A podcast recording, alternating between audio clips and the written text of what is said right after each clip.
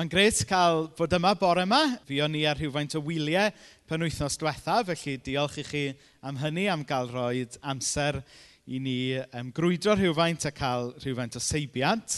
Fi o'n i yn y Lake District. Oedd e'n neis iawn ac oedd hi'n ddiwrnod braf fel heddi yr, yr diwrnod o'n i'n crwydro o amgylch y lle. Oedden ni yn sal ar ddechrau'r gwyliau, a oedd mam yn dweud, unwaith ydych chi'n cael plant, dyna beth sy'n wastad yn digwydd pan mae gwyliau'n dod. Yw bod chi Jyst i dal y cyfan i fynd, a wedyn ydych chi'n cael gwyliau, ydych chi'n mynd yn sal. Ond um, beth bynnag oedd o'n neis cael seibiant, a mae yn braf hefyd cael bod nôl yma yng Nghernarfon. Ac yn arbennig, um, fel wastad mae yn ffraint i gael agor y gair. Achos, da ni'n credu fod Dyw yn siarad gyda ni heddiw trwy y geiriau yn y Beibl. Da ni'n credu fod yr Ysbryd Glân yn dod ar gair yn fyw i'n meddyliau a'n heneidiau ni. Felly, yn ddisgwylgar nawr i ni'n troi at y gair. Nawr, ar hyn o bryd, i ni'n mynd ar daith gyda'n gilydd drwy efengil lyc. I ni ddim yn edrych ar bob adnod yn fanwl-fanwl, neu byddwn ni yma am flynyddoedd, ond beth i ni'n neud dros y misoedd nesaf ydy brasgamu trwy efengyl lyc i ni gael y darlun mawr sydd yma ynglyn a bywyd a gweinidogaeth Iesu. Rhai o'r llyfrau fwyaf poblogaidd dyddiau yma yn y siopau ydy pethau fel cofiannau, um, llyfrau sy'n sôn am hanes pobl. A rheswm pam yw oherwydd bod ni'n bobl fusneslyd. Da ni eisiau gwybod um, be ydy hanes pobl. A hefyd, rhan o boblogrwydd llyfrau fel hyn yw bod ni eisiau dod i adnabod y person tu ôl y wyneb gyhoeddus fel petai. Ac wrth gwrs, beth ydy efengil lyc mewn ffordd? ydy un o bedwar llyfr yn y Beibl sy'n benodol yn trafod bywyd Iesu Grist.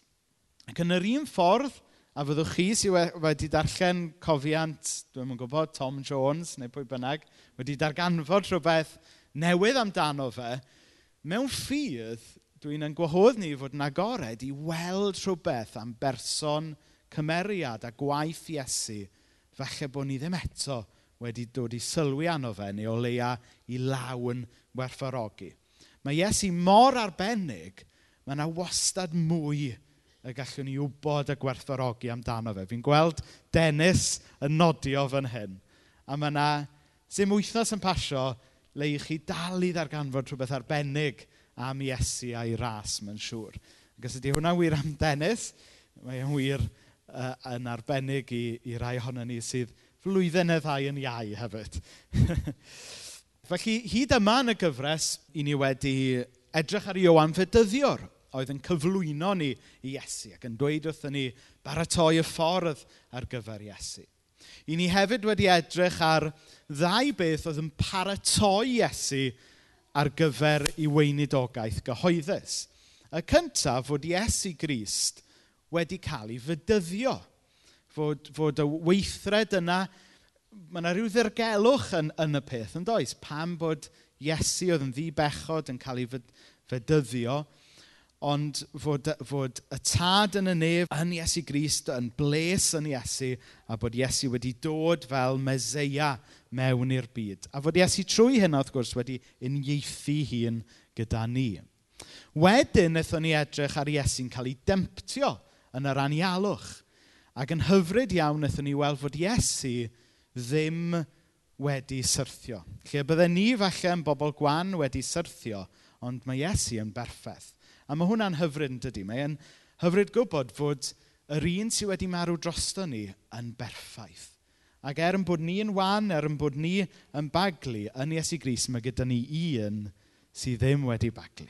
Mae gyda ni un sydd yn yn cynrychioli ni o flaen Dyw, sydd wedi bod trwy y profion i gyd. Ac eto bod hwnna'n dangos bod Dyw yn Dyw sydd yn ynieithu efo ni. So, hyd yma, i ni wedi cael rhywun yn cyflwyno Iesu, ac i ni hefyd wedi cael Iesu yn paratoi hun ar gyfer i weinidogaeth gyhoeddus. A fel oedd Clem Thomas yn dweud yn ysgol efo Thomas, fail to prepare, prepare to fail. Um, ac, ac oedd yn amlwg fod Iesu yn paratoi ei hun ar, ar gyfer rhywbeth mawr iawn. Oedd e'n paratoi ei hun um, ar gyfer yr holl bwrpas pam oedd e wedi dod i'r byd yma. A mae'n ddiddorol bod na flynyddoedd o fywyd Iesu, ni ddim yn gwybod lot amdano fe. I ni wrth gwrs yn gyfarwydd gyda stori'r Nadolig, gyda Iesu yn Faban. Wedyn, mae'r stori bron yn neidio stret i'w oedrannau e tua 30 oed. Ond wrth gwrs, beth oedd yn digwydd yn y blynyddoedd yna oedd bod e yn tyfu fel dyn um, ac hefyd wrth gwrs yn, yn dod i adnabod y ewyllus i dad yn ef, Oedd yn paratoi ar gyfer y pwrpas yma oedd ganddo fe yn y byd. A mae yna ma un um, rhan o'r efengylau sy'n sôn rhywbeth am Iesu yn y blynyddoedd rhwng bod e'n yn fabi ac yn ddyn. Sef yr adroddiad yma'n lyc 2 o Iesu yn ddeuddeg oed. A fi'n rili really hoffi yr hanes yma. Ac oedd e'n tua deuddeg oed, ac oedd ei rieni fe wedi colli fe am dri diwrnod. so, bydd hwnna beth, o, dim Twitter i gael pryd hynny. a, a wedyn, dyma nhw'n ffeindio fe ar ôl tri diwrnod. Chi'n gweld cysgod o beth oedd fan hyn dyma nhw'n ffeindio fe ar ôl tri diwrnod yn y deml yn gwrando ar yr athrawon ac yn gofyn cwestiynau i'r athrawon. Ac um, a ni'n cael yr adroddiad hyfryd yma. Tyfodd Iesu'n fachgen doeth a chrif. Roedd ffafr Dyw arno, roedd pobl hefyd yn hoff iawn ohono. A dyna'r unig sort of adroddiad sydd gyda ni o Iesu yn y cyfnod yma. Mae'n amlwg yn dydy fod, fod yna rhywbeth arbennig ynglyn â'r bachgen yma. Hynny yw bod e'n fwy na jyst bachgen. Bod e yn ddiw yn y cnawd, yn tyfu ac yn dod i'r byd ar gyfer pwrpas arbennig iawn. So, da ni'n ymuno ar hanes bore yma. Yn y cyfnod yma, pa mae Iesu nawr yn dechrau i weinidogaeth gyhoeddus. A mae'r darlleniad bore yma yn dod o lyc penod pedwar, dechrau darllen yn adnod 16. Lyc 4, 16. A daeth i Nazareth, lle cafodd ei fagu, a mynd i'r synagog ar y saboth fel roedd yn arfer ei wneud. Safodd ar ei draed i ddarllen o'r ysgrifau sanctaidd. Sgrôl proffidoliaeth Ezea gafodd ei rhoi iddo, a dyma fe'n ei hagor, a dod o hyd i'r darn sy'n dweud. Mae ysbryd yr arglwydd arna i, Oherwydd mae wedi fy eneinio i gyhoeddi newyddion da i bobl dlawd. Mae wedi fy anfon i gyhoeddi fod y rhai sy'n gaeth i gael rhyddid, a phobl sy'n ddall i gael eu golwg yn ôl, a rhai sy'n cael eu camdrin i ddianc o afael y gormeswr, a dweud hefyd fod y flwyddyn i'r arglwydd ddangos ei ffafr wedi dod. Ceodd y sgrôl a'i rhoi yn ôl i'r dyn oedd yn arwain yr oedfa yn y synagog, ac yna eisteddodd. Roedd pawb yn y synagog yn sychu arno. Yna dywedodd, mae'r geiriau yma o'r ysgrifau sanctaidd wedi dod yn wir heddiw. Roedd pawb yn dweud pethau da amdano ac yn rhyfeddu at y pethau gwych roedd yn ei dweud. Ond nid mab Joseph ydy hwn, medden nhw. Yna, dywedodd Iesu wrthyn nhw, mae'n siŵr y byddwch chi'n cyfeirio at yr hen ddywediad, iachad y hun feddyg, hynny ydy, y math o beth dyn ni wedi glywed i ti ei gwneud yn Capernaum, gwna yma, yn dy dref dy hun. Ond y gwir plaen ydy, does dim parch at broffwyd yn y dre lle cafodd ei fagu. Nawr mae'r mae'r darn yna, a darllenwch y, y benod i gyd yn eich amser eich hun, mae, mae, mae hwn yn benod gyfoethog iawn. Pan nes i rannu uh, gyda Mena beth pa ran o licon i wedi cyrraedd, oedd Mena weithio fi, dyma'r rhan mwyaf pwysig y Beibl. So, so no pressure pan o'n i yn paratoi y neges. Yr adnodau pwerus yma, lle mae Iesu yn y synagog yn codi – ac yn darllen y mae ysbryd yr arglwydd arna i, oherwydd mae wedi fy neinio i gyhoeddi newyddion da i bobl glawd. Mae wedi fy anfon i gyhoeddi fod y rhai sy'n gaeth i gael rhyfyd a phobl sy'n ddall i gael ei golwg yn ôl a rhai sy'n cael eu camdrin i ddianc o afael y gormeswr. A dweud hefyd fod y flwyddyn i'r arglwydd ddangos ei ffafr wedi dod. Byddai'r iddewon oedd yna yn y synagog yn gwybod beth oedd yr proffwydoliaeth yma'n disgwyl mlaen amdano. Disgwyl ymlaen i'r meseia i hun ddod. A wedyn, ar ôl darllen yr adnodau yma, mae, mae Iesu jyst yn eistedd i lawr. Mae fel rhywbeth o modern equivalent o rhywbeth o mae... Mae blwyddyn ffafr yr arglwydd wedi dod. A oedd pawb yn syllu arno fe. Dychmygwch bod chi yna nawr, y foment yma, lle mae Iesu wedi darllen ar yr hwn yma, a jyst yn istel awr mewn tywelwch. A wedyn mae e'n dweud yn istel awr, mae'r geiriau yma o'r ysgrifau sanctaidd wedi dod yn wir heddiw. Boes bach. Na chi rhywbeth oedd yn shocking iddyn nhw glywed ar y pryd. Yr eddewan yma wedi bod yn disgwyl ymlaen am y diwrnod yma ers canrifoedd. Oedden nhw wedi bod yn disgwyl i eiriau'r proffwyd yma ddod yn wir. A wedyn mae gyda chi'r boi yma, oedden nhw'n meddwl, o, just, o, just mab Joseph yw hwn, yn honni yn anuniongyrchol ar y pwynt yma, rhyw hintio oedd e, mae fe oedd y Meseia oedd wedi dod i wireddu beth oedd Dyw wedi addo a beth oedd y pobl wedi bod yn disgwyl ymlaen amdano ers canrifoedd.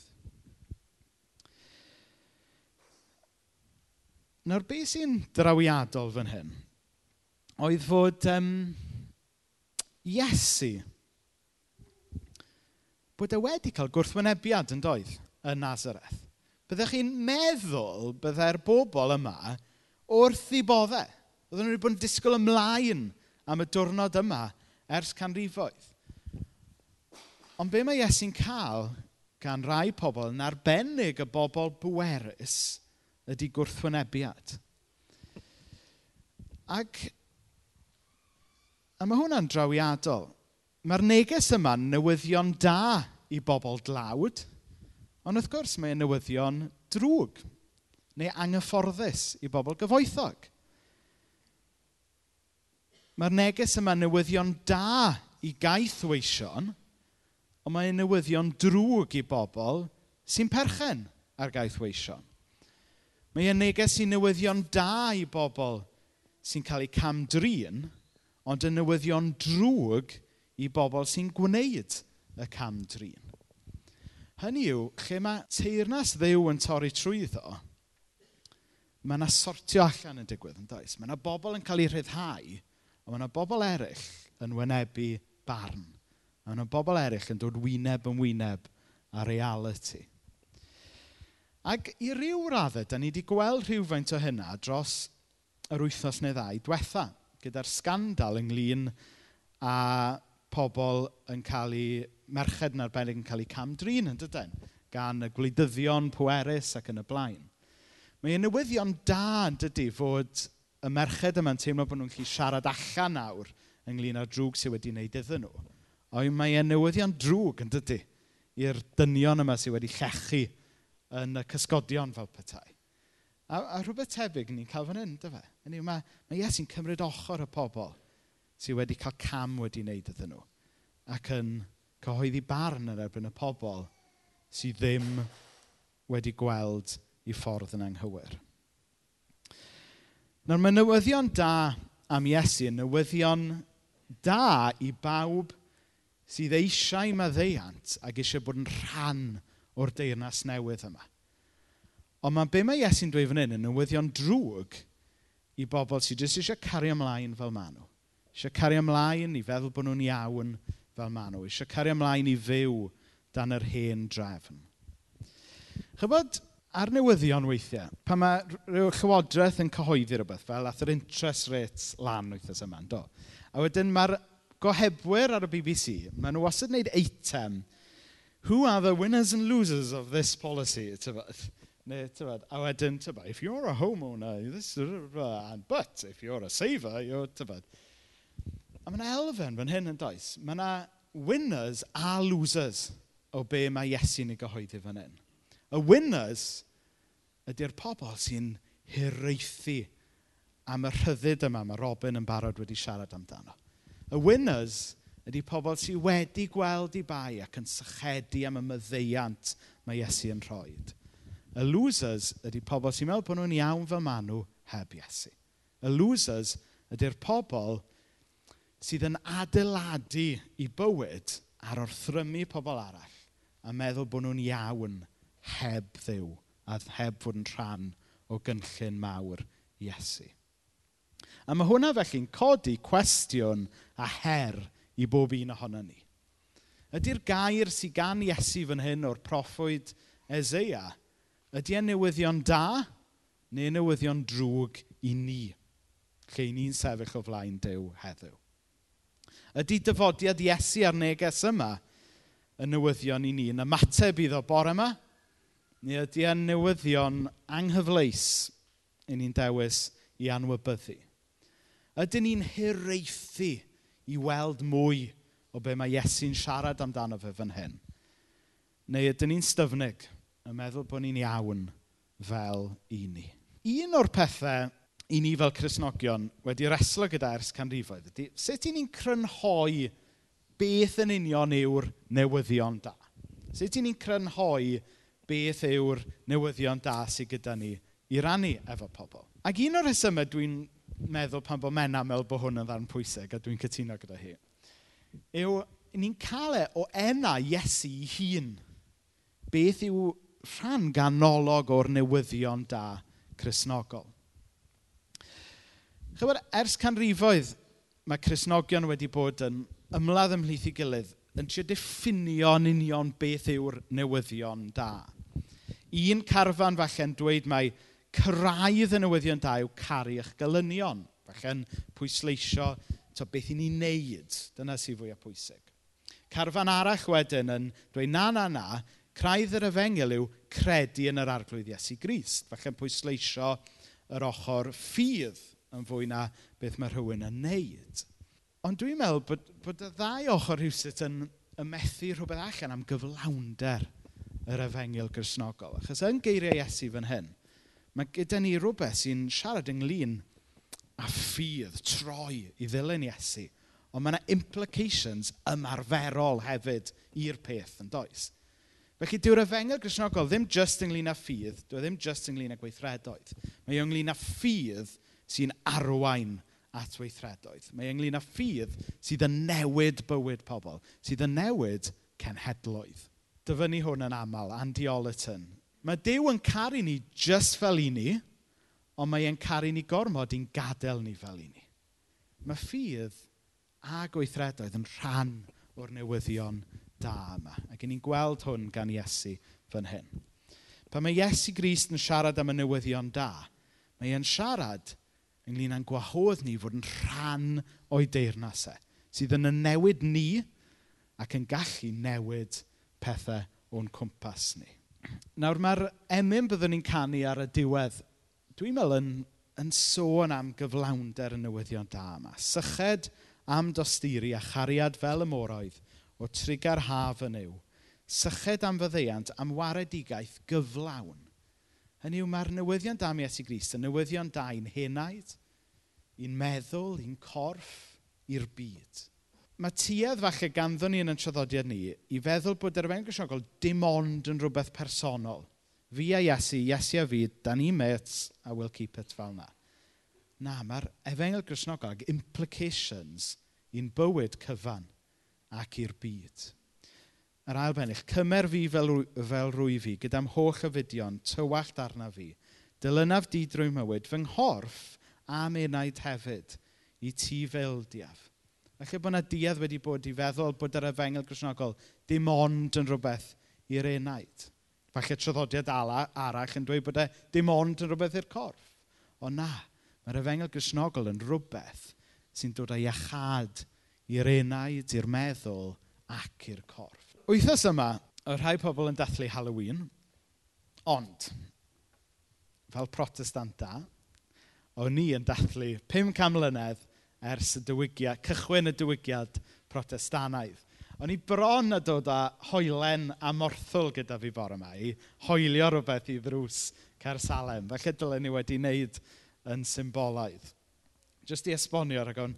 So, 500 mlynedd yn ôl, nath na ŵr yr enw Martin Luther, gychwyn y diwygiad protestanaidd wrth mewn rhywbeth o brotest. A be nath o, oedd nath e sgwennu 95 o issues fel petai oedd yn teimlo bod rhaid i'r eglwys delio gyda, a nath e llythrenol hoelio y beth mae oedd wedi sgwennu ar ddrws eglwys wit... wit le, le, mae dweud yna?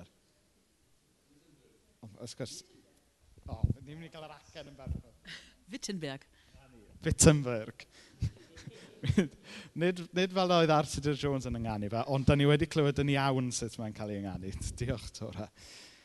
Um, ac wrth gwrs, 500 mlynedd nôl, oedd hwn yn turning point yn hanes yr eglwys. Oedd wedi mynd â ni yn ôl i rhywbeth oedd yn greiddiol i'n ffydd ni. Ond falle, 500 mlynedd wedyn, fod angen i ni gael diwygiad cyfoes hefyd.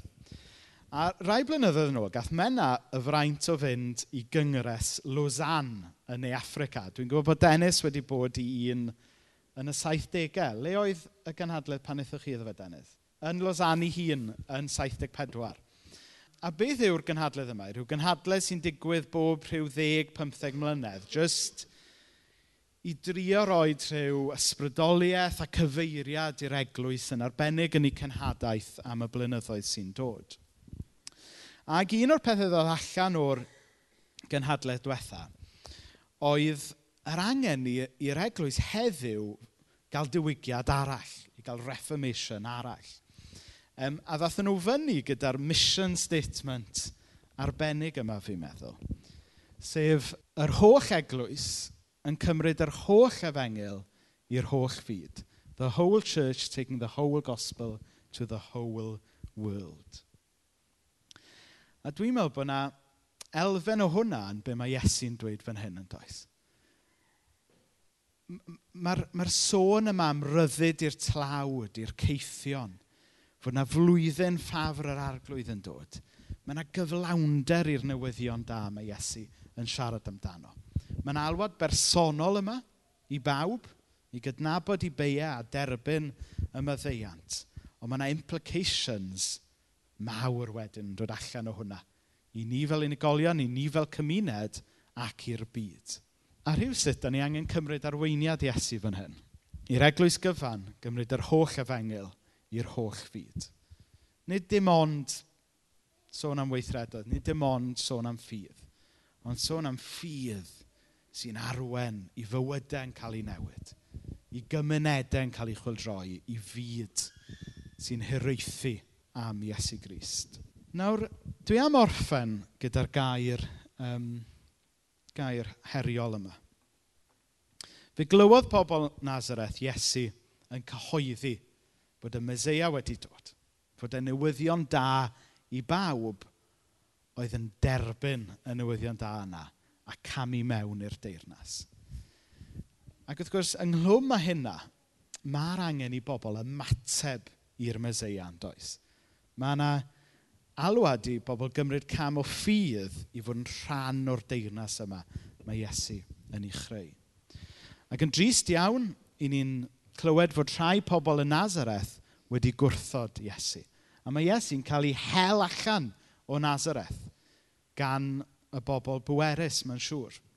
Mae yna adegau eraill yn yr efengylau e, lle mae Iesu wedi bod yn rhannu y newyddion da a mae pobl wedi wrthwynebu fe gymaint nes bod e yn tapio y dwst off i draed ar y ffordd allan o'r lle yna. A mae hwnna'n eitha brawychus yn dydy, sef bod mae Iesu yn rhoi cyfle i ni gredu ynddo fe. Mae Iesu'n rhoi cyfle i ni ddod yn rhan o'r o'r deyrnas yma.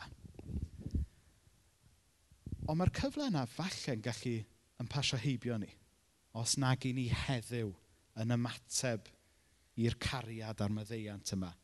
Mae Iesu yn ei gynnig. Nawr, chydig wythnos yn ôl, nes i wrando ar un o hen bregethau yn nhad cu. Mae nhw, mae rhai o nhw ar y rhyngrwyd. Ac oedd yr un eisiau wrando arno fo yn Saesneg. Os i'n credu, o'n i roi di clywed at y ci yn siarad Saesneg. Efo sôn am yn bregethu'n Saesneg. So oedd hwnna'n brofiad bizar, ond be bynnag. Oedd y stori pwerus iawn gyda fe. Oedd e'n stori o'i gyfnod e, oedd ci gyda llaw yn weinidog. Ac oedd e'n stori o'i gyfnod e'n byw yn yr allt wen. So mae mam yma bore yma. So pa, pryd oedd hwnna? Diwedd y 50au, dechrau'r 60au, efe? Na ni. So'r cyfnod yma. So, i ni'n mynd nôl i ddiwedd y 50au a'r 60au. Ac oedd ta ci yn weinidog yn Pont Ardawe ac yn byw yn yr Alltwen yn Cwm Tawe, sydd ddim yn bell le mae, mae Thomas yn, um, yn byw a gweithio nawr. Ac oedd ta ci adre yn bwyta'i ginio. Ac yn sydyn rhaid, dyma, dyma daro gwyllt ar y drws. Ac oedd yn amlwg fod yna rhywbeth mawr o'i le. Ta ci yn mynd i'r drws Ac oedd na wraig wrth y drws, oedd yn byw um, chydig o dau lawr y ffordd, yn dweithio at ci, dewch ar frys. Dydy'r gŵr ddim yn dda o gwbl. Felly dyma ta ci yn mynd gyda'r rhaeg draw i'r tŷ.